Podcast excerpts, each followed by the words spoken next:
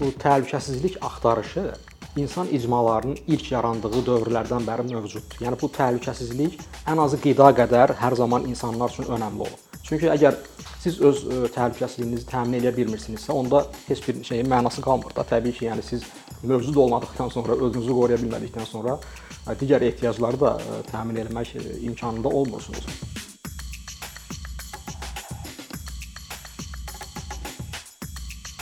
Şahin bəy salam. Xoş gördük sizə ikincidə. Çox sağ olun. Son ümumiyyətlə təxminən 3 ilə yaxındır ki, artıq bu pandemiyadan sonra sanki beynəlxalq münasibətlərdə daimi bir gərginlik var. Demək olar ki, dünyanın əksər regionlarında ciddi siyasi və hərbi münaqişələr baş verir.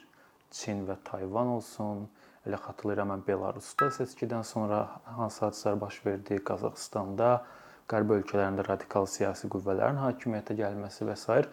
Bütün bunlardan sonra bəzi insanlar düşünür ki, artıq bu 2-ci dünya müharibəsindən sonra formalaşan beynəlxalq hüquq, bu dünya düzəni dediyimiz anlayışla bağlı ciddi çağırışlar var. Mənə maraqlıdır sizcə niyə son illər ardıcıl beynəlxalq münasibətlərdə belə ciddi problemlər ortaya çıxır və bu beynəlxalq hüquq və təşkilatlar niyə effektiv müdaxilə edə bilmir və hansı problemlər bu müdaxilənin effektivliyini aşağı salır? Əslində dünyada, eləcə də bizdə mövcud olan bu təsəvvürlər, yəni bu gərginliklərin, konfliktlərin, müharibələrin son dövrlərin hadisəsi, işi olduğu barədə təsəvvürlər doğru deyil. Yəni dünyada hər zaman bu cür gərginliklər mövcud olub. Əgər biz 2-ci dünya müharibəsindən sonrakı dövrü götürsək, yəni hazırki beynəlxalq təhlükəsizlik arxitekturası məhz 2-ci dünya müharibəsindən sonra formalaşıb. Elə həmin müharibədən qısa müddət sonra, məsələn, Koreya müharibəsinin baş verdiyini bir misal kimi göstərmək olar. Çox böyük bir geniş miqyaslı müharibə idi 1950-ci ildə. Bu həm də iki ideoloji siyasi blokun ilk toqquşması idi. Yəni 2-ci dünya müharibəsində Amerika və Rusiya anti-Hitler koalisiyasının üzvləri idi və Amerika, yəni daha doğrusu SSR, yəni Rusiya yox, SSR və Amerika müharibədə SSR-yə yardım etmişdi. Amma 2-ci Dünya müharibəsinin yekunlaşması ilə bərabər bir soyuq müharibə müharibəyə start verildi və ilk toqquşma da Koreya müharibəsində oldu. Ondan sonrakı dövrdə məsələn böyük bir müharibə kimi Vyetnam savaşını göstərmək olar. Sonrakı illərdə isə irili xırdalı konfliktlər, lokal müharibələr hər zaman mövcud olub. Yəni dünya heç vaxt sabit bir yer olmayıb. Bəli, yəni qeyd edə bilərik ki, BMT sistemi öz təməl vəzifəsini yerinə yetirə bilmir. Yəni BMT-nin təməl təməl vəzifəsi nədən ibarətdir? Dünyada sülhü və təhlükəsizliyi qorumaqdan, təmin etməkdən ibarətdir. Lakin bunu yerinə yetirə bilmir. Bu da ilk növbədə böyük dövlətlər arasındakı ziddiyyətlərin güclənməsindən irəli gəlir. Yəni Xüsusən də BMT e, Təhlükəsizlik Şurasının 5 daimi üzvü ki var, e, hansı ki, yəni BMT sistemində əsas e, icra edici qərarlar məhz Təhlükəsizlik Şurası çərçivəsində qəbul olunur. Lakin həmin 5 dövlət arasında ziddiyyətlər mövcud olduğu üçün vahid bir qərara gəlmək əksər hallarda mümkün olmur. Yəni konsensus əldə etmək mümkün olmur. Üzvlərdən biri qərara veto qoyduqda o qərar qüvvəyə minmir. Yəni bu baxımdan BMT sisteminin bu cür e, iflic duruma düşməsində də yəni təşkilatın özü günahkar deyil. Bu təşkilatın e, lider dövlətləri deyə biləcəyimiz, yəni Təhlükəsizlik Şurasının daimi üzvləri burada məsuliyyət daşıyır e, və onlar arasında geosiyasi rəqabət gücləndikdə orada hər hansı bir qərar qəbul etmək mümkün olmur. Amma yenə ona o fikrimin üstünə gəlmək istəyirəm ki, yəni bu da əslində yəni son illərin bir e, problemi deyil. Əvvəllər də bu cür e, problemlər hər zaman mövcud olub. Yəni bu dövlətlər arasında SSR dövründə e, SSR ilə Amerika məsələn beynəlxalq münasibətlər, beynəlxalq problemlərə münasibətdə çox vaxt vahid mövqe mövqedən çıxış eləməyiblər. Burada daha çox rəqabət elementləri ön planda olduğu üçün yəni hər iki tərəf arzu etmədiyi, onun maraqlarına zidd olduğu qərarlara veto qoyub. Yəni BMT-nin də əslində e, bugünkü e, müşahidə olunan problemi bu günün məsələsi deyil. O da yaxın keçmişdən qaynaqlanan bir problemdir. Yəni belə deyək də dünya durduqca konfliktlər də mövcud olur və bundan sonrakı mərhələlərdə də, yəni biz bugünkü müşahidə olunan konfliktlərin həllindən sonra da yeni-yeni problemlərin yaranması gözləniləndir. Çünki ümumilikdə yəni biz insanlığın tarixinə nəzər salsaq, bu hər zaman müharibələr, toqquşmalar, ziddiyyətlər olub və bundan sonra da olacaq. Yəni ümumiyyətlə yəni dünyaya bu idealist yanaşmalar gerçəkliklərə uyğun olmur heç vaxt. Bəli, əlbəttə ki, biz insan olaraq hamımız arzu eləyirik ki, müharibələr olmasın, konfliktlər olmasın, dövlətlər silahlanmaya bu qədər vəsait xərcləməsin və silahlanmaya sərf olunan pullar daha çox insanların rifahını yüksəldilməsinə sərf edilsin. Dünyanın müxtəlif regionlarında, tutaq ki, Afrikada yoxsul ölkələrə, azlıq çəkən insanlara daha çox yardım olunsun. Bu normal insani baxışdır, münasibətdir. Amma yəni bu reallıqlara uyğun deyil. Ümumiyyətlə son dövrlər ən çox bu siyasi müstəvidə müzakirə edilən məsələ bu ilin fevralından bəri Rusiya-Ukrayna müharibəsidir. Rusiyanın Ukraynaya hücumundan sonra əsas siyasi gündəm bu oldu. Bəzən belə fikirlər səsləndirilir ki, Ukraynanın Rusiyaya qarşı mübarizəsi tək Ukraynanın yox, daha böyük coğrafiyanın müqəddəratını həll edəcək Hal-hazırda məsələn qərb ölkələri xüsusilə Ukraynaya həm maddi, həm hərbi olaraq ciddi kömək edirlər, amma belə demək mümkünsə Rusiya da zəif rəqib deyil. Onun da mənə elə gəlir mövcud iqtisadi resursları ən az bir müddət daha bu müharibəni davam etdirməyə yetəcək. Bu baxımdan mənə maraqlıdır sizcə müharibənin nəticəsində Rusiyanın qalib gəlməsi dünya üçün, bizim region üçün hansı çətinlikləri, problemləri ortaya çıxara bilər ki, bu qədər çox böyük sayda ölkələr Ukraynanı dəstəkləyir və yaxud əksinə Ukrayna bu müharibədə qalib gəlsə, bizi hansı reallıqlar və yeniliklər gözləyə bilər? Yəni bu müharibənin e, baş verməsinin təməl səbəbi Rusiyanın imperialist maraqlarıdır. Yəni Rusiya öz imperialist maraqlarını həyata keçirə bilməsi üçün, yəni Rusiyanın öz imperialist maraqlarını həyata keçirə bilməsi üçün Ukrayna onun üçün çox önəmlidir. Yəni Ukraynanın önəmini e, beynəlxalq münasibətlər üzrə ekspertlər, mütəxəssislər dəfələrlə qeyd eləyiblər. Məsələn, Brezinskinin də belə bir sözü var idi ki, Ukraynasız Rus imperiyası periferik bir imperiya olacaq. Yəni əyalət imperiyası bir növ. Yəni Avropaya çıxışını itirmiş, Avropadan təcrid olmuş bir Asiya imperiyası. Yəni bu baxımdan Ukrayna Rusiya üçün çox önəmlidir. Və Rusiyanın sərhədlərində müstəqil, milli və güclü bir Ukrayna dövlətinin mövcudluğu Rusiya imperializminə qarşı hər zaman bir zərdab rolunu oynayır. Yəni neytrallaşdırıcı bir rol oynayır. Yəni bu baxımdan Putinin bu müharibəni başlatmaqdan məqsədi müstəqil milli Ukrayna dövlət dövlətçiliyinə son qoymaq idi. Yəni Ukraynanı da təxminən Belarusun vəziyyətinə salmaq və mən düşünürəm ki, əsas məqsəd də Ukraynanı da orada bir rejim dəyişikliyinə, hakimiyyət dəyişikliyinə nail olduqdan sonra Ukraynanı da Rusiya-Belarus ittifaq dövlətinə qatmaq niyyəti var idi. Bu çox açıq şəkildə ortada idi. Bunu Lukashenko özü də bir neçə dəfə bəyan etmişdi ki, Ukrayna da gəlib bizim ittifaq dövlətimizə qoşulacaq. Mən düşünürəm ki, əgər Rusiya Ukraynanı işğal etməyə nail ola bilsəydi, yəni Ukraynadakı məqsədlərinə çatsaydı, SSR-ni başqa forma və məzmunda da olsa bərpa eləyəcəkdi Rusiya. Yəni Rusiyanın Putinin siyasəti bundan ibarət idi. Bax bu il 2022-ci e, il SSR-nin təsis olunmasının 100-cü il dönümüdür. Biz bilirik ki, yəni bütün dünya bilir ki, Putin bu cür simvolik tarixlərə, numerologiyaya çox önəm verən bir siyasətçidir, liderdir.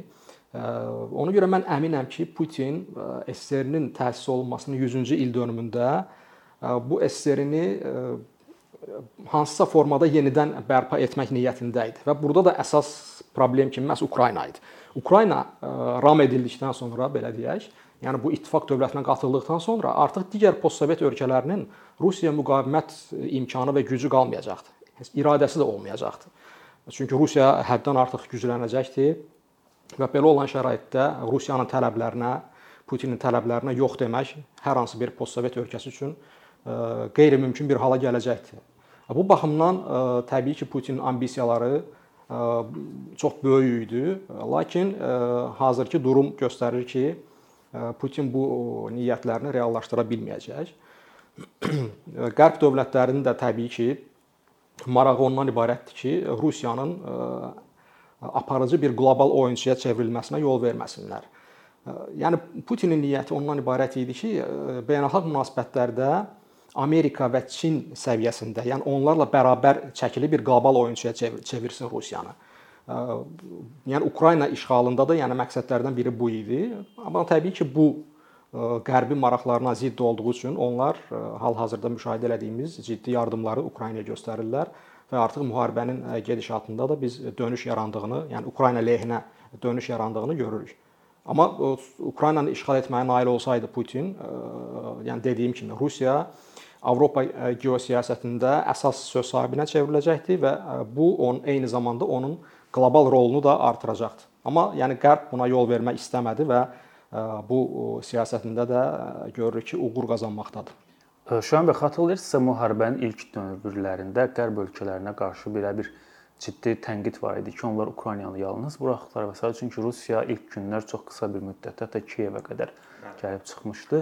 Sonradan amma biz artıq bu münasibətin dəyişdiyini gördük. Mənim maraqlı ki, sizcə bu da bir təsəvvür idi ki, Qərb dəstək vermir, yoxsa orada hansısa bir gözləntilər oldu və yaxud nə dəyişdi ki, o bu tənqidlər Qərbə qarşı ki, Ukraynanı qorumur, bu bir anda dəyişdi və əksinə artıq daha çox Qərb dəstək olmağa başladı. Yəni o təsəvvürlər əslində səthi təsəvvürlər idi və real vəziyyəti əks etdirmirdi.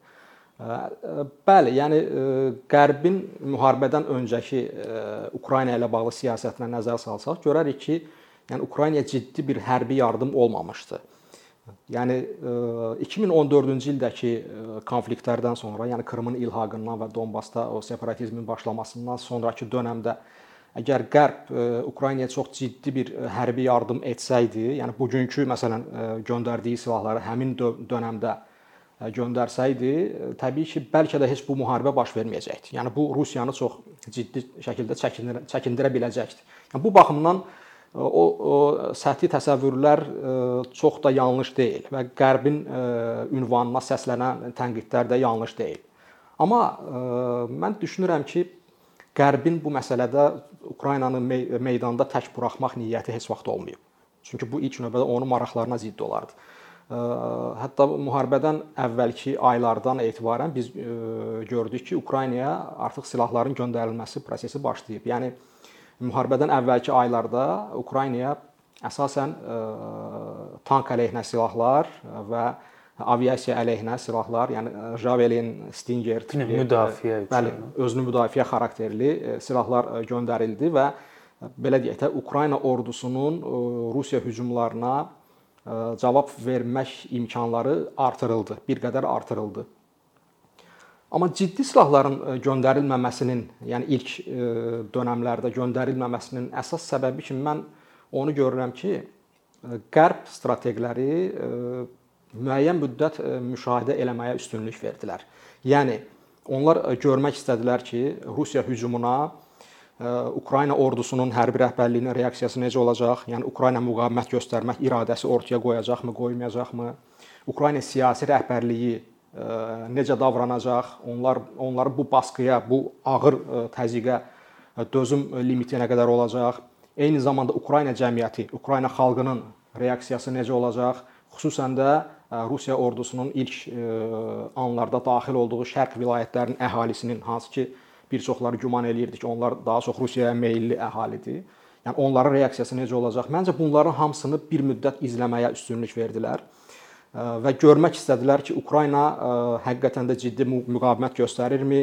Ukrayna duruş gətirə bilirmi? Çünki məsələn ilk anlarda tutaq ki, məsələn Zelenski qaçsaydı, siyasi iqtidar çöksəydi və ordu sistemində də bir dağılma, təslim olma halları baş versəydi, onda təbii ki, Ukraynaya silah göndərməyin hər hansı bir mənası olmazdı. Mən düşünürəm ki, bunu bir müddət izləməyə üstünlük verdilər. Görəndə ki, bəli, Həqiqətən də Ukrayna siyasi rəhbərliyi də duruş gətirdi. Ukrayna hərbi rəhbərliyi də e, əməliyyatları yaxşı idarə eləyir. Ukrayna ordusu da şücaətlə döyüşür, əzmlə döyüşür və Ukrayna xalqı və cəmiyyəti də öz dövlətinin yanındadır. Yəni bütün bunları e, gördükdən və əmin olduqdan sonra artıq Ukraynaya çox ciddi silah sistemlərinin göndərilməsi başlandı.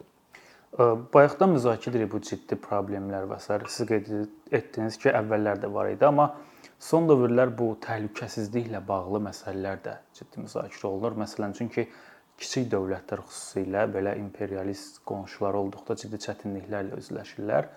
Bu baxımdan məsələn bəzi ideyalar ortaya atılır ki, müəyyən birliklər yarada bilər, hərbi ittifaqlar və sair bu ölkələrin qorunması üçün mən NATO-nu yox, məsələn, Rusiya tez-tez bunu səsləndirir, postsovet regionunda olan ölkələrlə bağlı.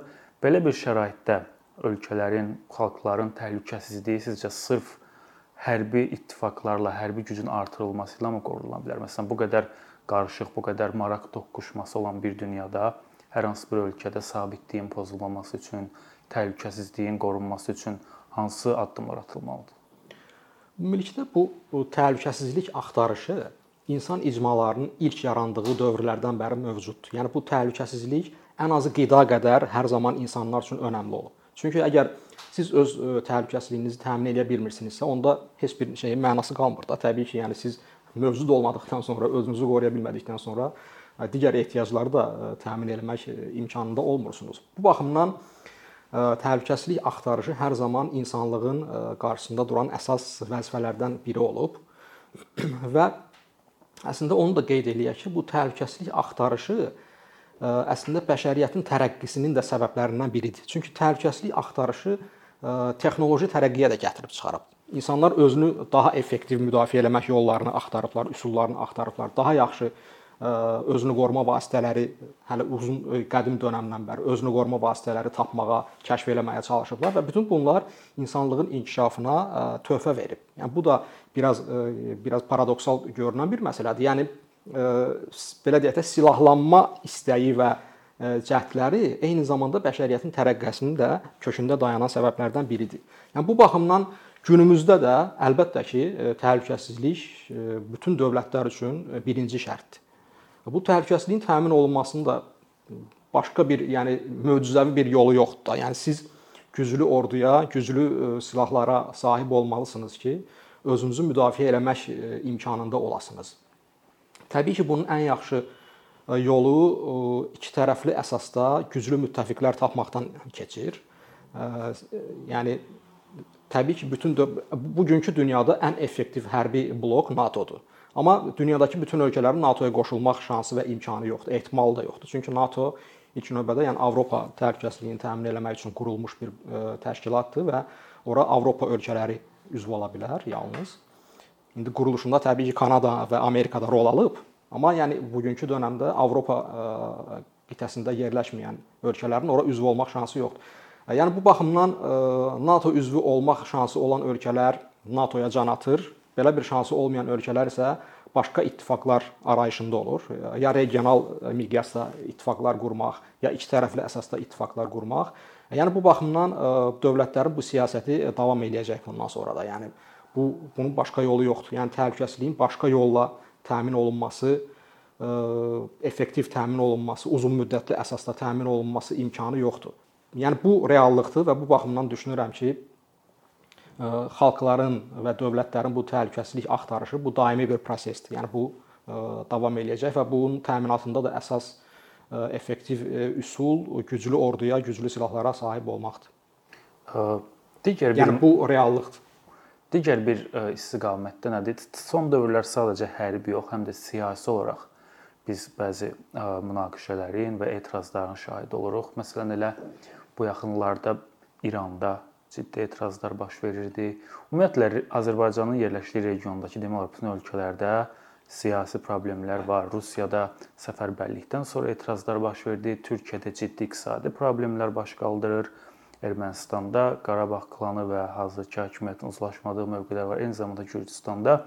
Amma biz bəzən onu da müşahidə edirik ki, bir sıra ölkələrdə bu tip fikir ayrılıqları sonda küçə toqquşmaları ilə, ciddi çaxnaşmalarla bitir. Bəzilərində isə bu qədər nəzarətdən çıxacaq qədər toqquşmalar və sair baş vermir. Düzdür, burada mən onu istisna edə bilərəm ki, bəzi ölkələrdə total nəzarət və yaxud güclü polis rejimi olduğu üçün insanlar bunu bacarmır, amma eyni oxşar məsələlər qeyd etdiyimiz İran və Türkiyə nümunəsini götürə bilərik ki, İranda artıq ölənlər var, hər gün toqquşmalar baş verir, amma Türkiyədə də artıq bir neçə ildir ciddi iqtisadi böhran var və s. amma o problemlər küçəyə yansımır belə desək. Bəli. Bu təməl fərqlər nədir ki, bəzi ölkələrdə toqquşmalara gətirib çıxarır, bəzilərində yox? Yəni burada əsas təməl fərqlər siyasi sistemlərdən qaynaqlanır. Məsələn, Türkiyədə hər nə qədər problemlər olsa belə, yəni demokratikləşmə, insan hüquqları ilə bağlı son illər ciddi problemlər meydana gəlməsinə baxmayaraq, Türkiyədə demokratik seçki institutu qorunub saxlanılır.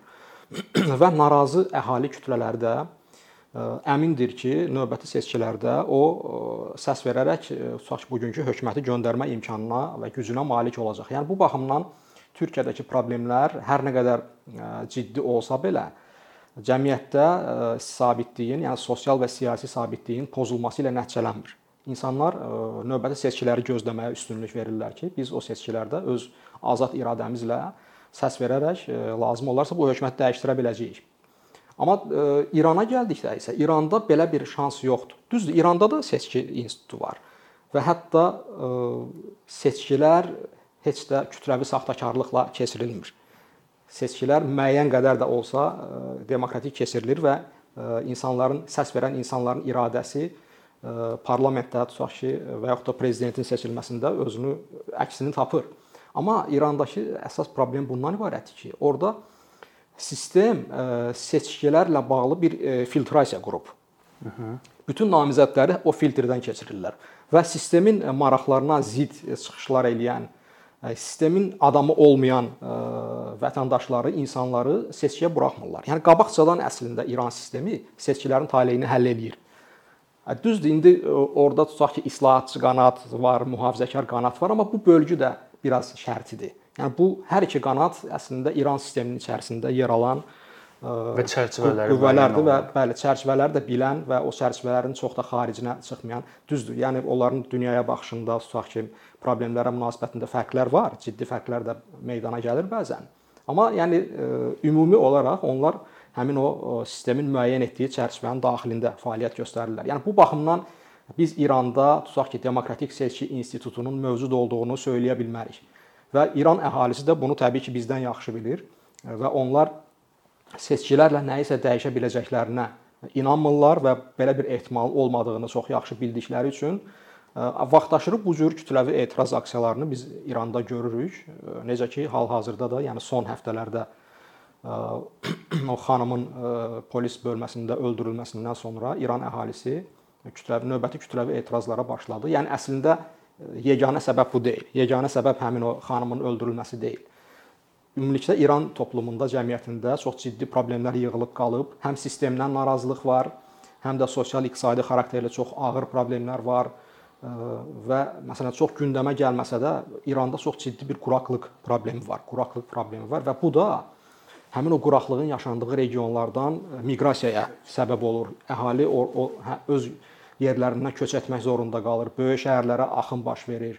Və bu da çox ciddi bir e, sosial gərginlik mənbəyidir əslində. Yəni İranda bu baxımdan ciddi problemlər mövcuddur və bu tip e, etirazların biz e, gələcəkdə də davam eləyəcəyinin şahidi olacağıq. İndi burada təbii ki, əsas sual İranda bu etirazların sistem dəyişikliyinə gətirib çıxarmaya çıxarıb çıxarmayacağı məsələsidir. Eləcə də İranda inqilabi bir hərəkatın baş verib verməyəcəyi məsələsidir. Əslində İran e, cəmiyyətində bu etiraz və inqilab e, ənənəsi var. İranın e, tarixini, yaxın keçmişinə nəzər salsaq belə bir ənənə var.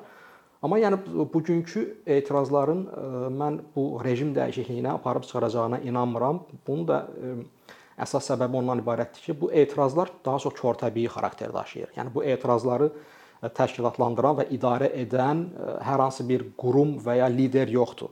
Yəni bu baxımdan e, bu etirazların hansısa bir ciddi siyasi nəticəyə gətirib çıxaracağı hələ ki bugünkü durumda inandırıcı görünmür. Amma başqa bir məqam da var ki, e, İran sistemi daxilində də e, hazırda ali dini liderin xəstəliyi ilə əlaqədar qruplar arasında ciddi mübarizə gedir. O mübarizə daha çox səhnənin arxasında, yəni saray daxili belə deyək, çəkişmələr xarakteri daşıyır. Ona görə mən mənim təxminimə görə bu mübarizə aparan tərəflərdən biri bu bu tip aksiyalardan öz maraqları üçün istifadə eləyə bilər və güman ki eləyir. Amma yəni bu hadisələr hələ ki İranda bir rejimin devrilməsi görüntüsünü yaratmır. Hələ ki rejim çökməyib. Rejimin dağılmasının əsas şərti odur ki, içəridən bir dağılma, içəridən parçalanma olsun. Hələ ki bu görünmür. Ona görə bugünkü etirazların İranda hər hansı bir siyasi dəyişikliyə gətirib çıxaracağı ehtimalını mən görmürəm. Amma ümumilikdə İranda gələcəkdə belə bir dəyişikliyin olması, rejimin devrilməsi, çökməsi, inqilabın baş verməsi ehtimalı var. Nə qədər ki İranda bu sistem davam eləyəcək, nə qədər ki bu sistem insanların azadlıqlarını, hüquqlarını əzəcək, pozacaq, İranda hər zaman bu cür etirazların baş qaldırması və hətta inqilabın da baş verməsi ehtimalı var. Da bu baxımdan deyə bilərik ki, ölkədə hansı seçki institutunun ayaqda qalması, insan hüquqlarına önəmlidir. etməsi, yəni təhlükəsizliyə də. Bəli, bəli, əlbəttə ki, yəni seçki institutunun mövcud olması, insan və hüquq, insan hüquq və azadlıqlarının təmin olunması daxili sabitliyin də əsas şərtidir. Yəni dayanıqlı sabitlik məhz bu halda mövcud ola bilər. Güc hesabına, insanları əzmək hesabına bəli, sabitlik yaratmaq mümkündür. Amma bu sabitlik davamlı və dayanıqlı ola bilməz. Tamam, razıyam ki, güc yolu ilə, insanları əzmək yolu ilə müəyyən müddət, hətta uzun müddət də cəmiyyəti e, tabecilikdə saxlamaq olar, amma yəni bunun sonu yoxdur. Yəni bu əvvəl-axır bu çünki cəmiyyətlər canlı orqanizmdir. Yəni siz onları daim ölü vəziyyətdə saxlaya bilməzsiniz. Bu orqanizm nə vaxtsa öz tələbatlarını ödəmək istəyində olacaq və bunu gerçəkləşdirmək əzmini özündə tapacaq. Ona görə yəni bu tip yol seçən ölkələr elə bu buna bizim öz ölkəmizi də biz göstərə bilərik. Yəni bu cür ölkələrdə sabitlik yalnız zahiri bir görüntüdür və bu sabitlik hər an pozula bilər. Elə yaxın keçmişdən Ərəb baharını biz misal göstərə bilərik. Ərəb ölkələrində də bu cür sabitlik idi və heç kim gözləmirdi ki, belə bir inqilabi hərəkətlər başlaya bilər. Məsələn, Tunisdə necə başladı? Bazarda göyərti satanın özünü yandırması ilə başladı. Yəni bu qığılcım rolunu oynadı. Ona görə e, yəni bizim tipli e, cəmiyyətləri də əslində proqnozlaşdırmaq çox çətindir. Yəni burada nə vaxt, nə baş verəcəyi barədə e, bir konstruksiya, proqnoz qurmaq mümkün deyil, çünki burada institutlaşmış cəmiyyət deyil. Ona görə burada hər hansı bir qığılcım ciddi bir hadisələrə rəvac verə bilər. Yəni bu baxımdan yəni Azərbaycan hökuməti də bu siyasi sistemdə bir islahata get getsə, və cəmiyyətdə siyasi yumşalma e, siyasətinə e, keçsə daha yaxşı olar. Bu halda e, bəli, Azərbaycanda da bir dayanıqlı siyasi sabitliyin olduğuna əminlik hasil etmək mümkündür. Yəni başqa cür, yəni bu cür gedişat əslində doğru deyil. Yəni bu cür gedişat Azərbaycan dövlətinin və xalqının da maraqlarına uyğun deyil. Ona görə Azərbaycanda ciddi demokratik islahatlar zamanın tələbidir. Maraqlı söhbət üçün çox təşəkkür edirəm Şahin bəy. Çox sağ olun. Təşəkkür. Thank